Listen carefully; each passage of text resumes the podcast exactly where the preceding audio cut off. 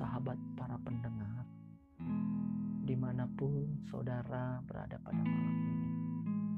Saya Evangelis Fauzi Watimena, melalui media podcast ini, saya rindu menyapa saudara, saya rindu ingin berbagi firman Tuhan pada malam ini, yang saya yakini dan imani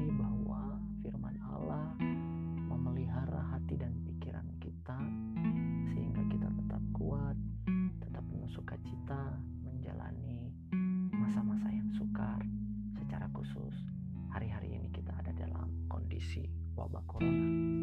Itu sebabnya saya mengajak kita buka satu bagian firman Tuhan di dalam kitab Injil Matius pasal 11 ayat 29 sambil kita membuka Alkitab kita dan saya akan pimpin kita di dalam doa. Mari kita berdoa. Bapa yang di sorga, Allah yang kami sembah di dalam nama Tuhan Yesus, firman Allah yang hidup. Kami bersyukur malam ini kami ingin disapa Tuhan. Kami ingin dijamah Tuhan. Disentuh hati kami dengan Tuhan melalui firman-Mu yang kami ingin renungkan. Di dalam kuasa roh-Mu, biarlah Tuhan memberikan kami pengertian sehingga kami didapati tetap setia beriman kepada Tuhan. Dalam nama Yesus, firman Allah yang hidup, kami berdoa. Haleluya. Amin. Saudara, para pendengar, tema kita pada malam ini yaitu pikiran Kristus. Saya berbagi dari tema ini, mari kita melihat firman Tuhan yang akan kita renungkan. Demikian bunyi firman Allah. Pikulah kuk yang kupasang dan belajarlah padaku. Karena aku lemah lembut dan rendah hati, dan jiwamu akan mendapat ketenangan. Demikian jauh pembacaan firman Tuhan.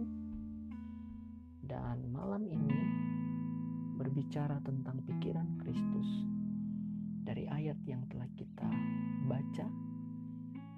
Ada satu pernyataan firman Tuhan dikatakan di situ, belajarlah padaku. Ya. Dan sehubungan dengan pembelajaran, kita meyakini apa yang kita pelajari itu masuk di dalam pikiran kita. Dan pikiran manusia adalah tempat di mana tidak bisa menjadi sebuah ruang yang hampa. Pikiran kita itu selalu akan terisi. Pertanyaannya, entah dengan yang baik atau malahan pikiran yang Entah pikiran itu akan bersifat jasmani atau pikiran yang kita masukkan di dalam pikiran kita bersifat rohani.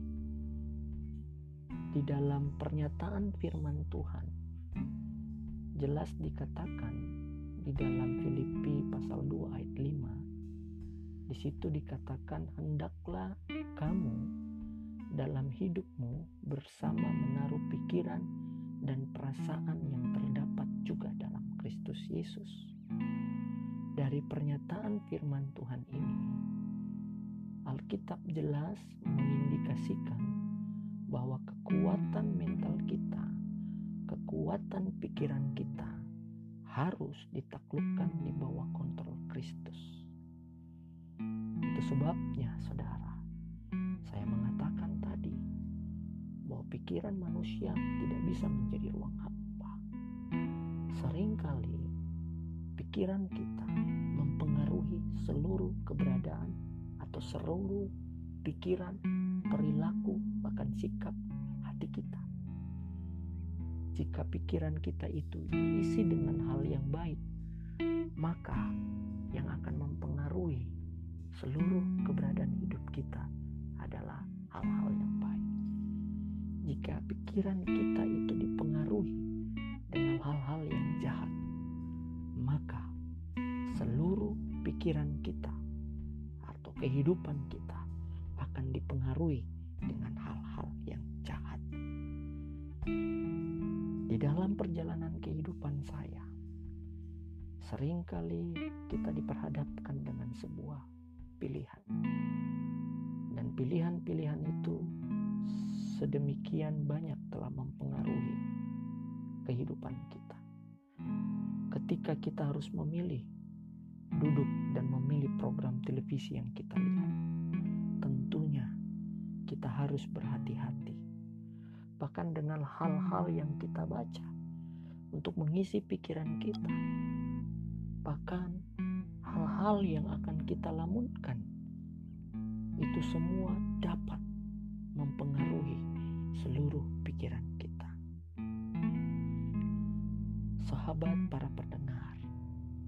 tidak hanya itu, kalau kita rindu pikiran kita dipengaruhi oleh firman Allah, maka kita harus belajar kepada Yesus. Bagaimana Kristus yang adalah sumber hikmat itu.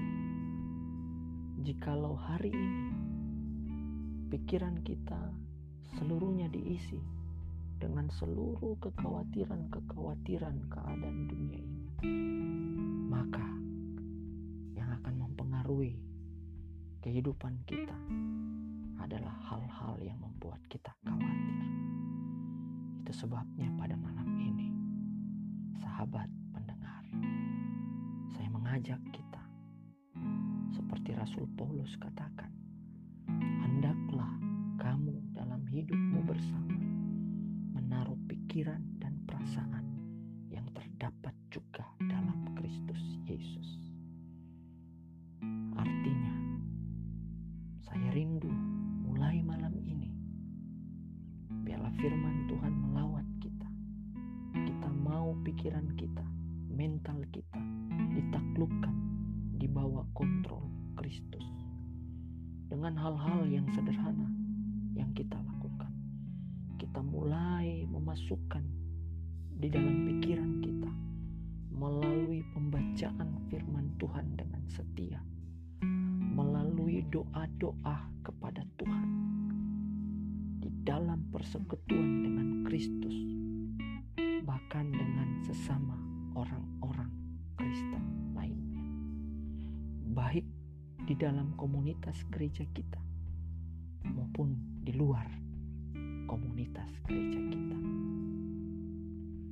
Saya tertarik dengan sebuah pernyataan dari seorang uskup agung yang bernama Anselmus yang berkata, "Iman mencari pengertian." Sahabat para pendengar, iman yang Tuhan karuniakan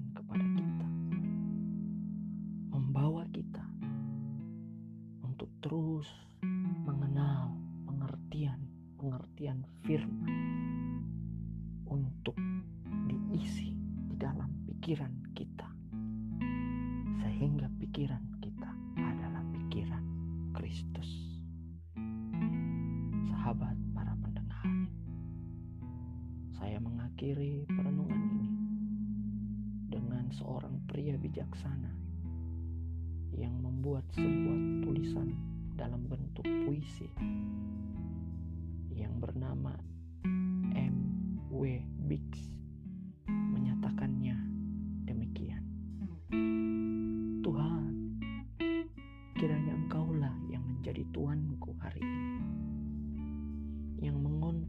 segala yang kulakukan atau yang kukatakan.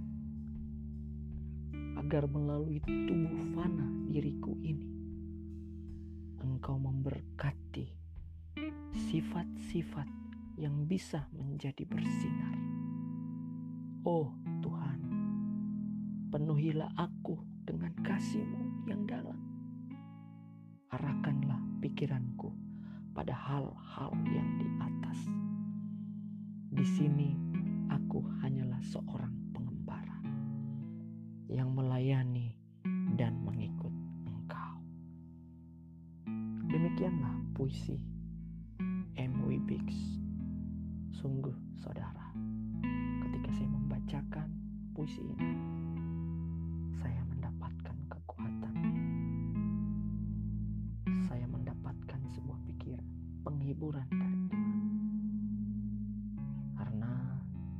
situasi begini, biarlah pikiran kita selalu diisi dengan pikiran Kristus yang kita dapati hanya melalui firman-Nya.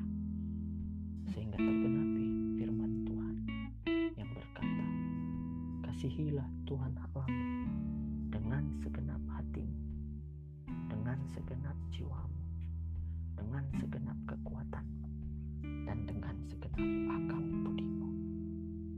Mari kita berdoa. Ya Allah Bapa kami, kami ingin memiliki pikiran Kristus. Bantulah kami untuk mengisi pikiran kami dengan yang baik dan bukan yang jahat. Tolonglah kami untuk menyingkirkan pikiran-pikiran buruk secara konsisten. Ajarlah kami untuk fokus pada keadilan, kebaikan, kebenaran, dan kasih.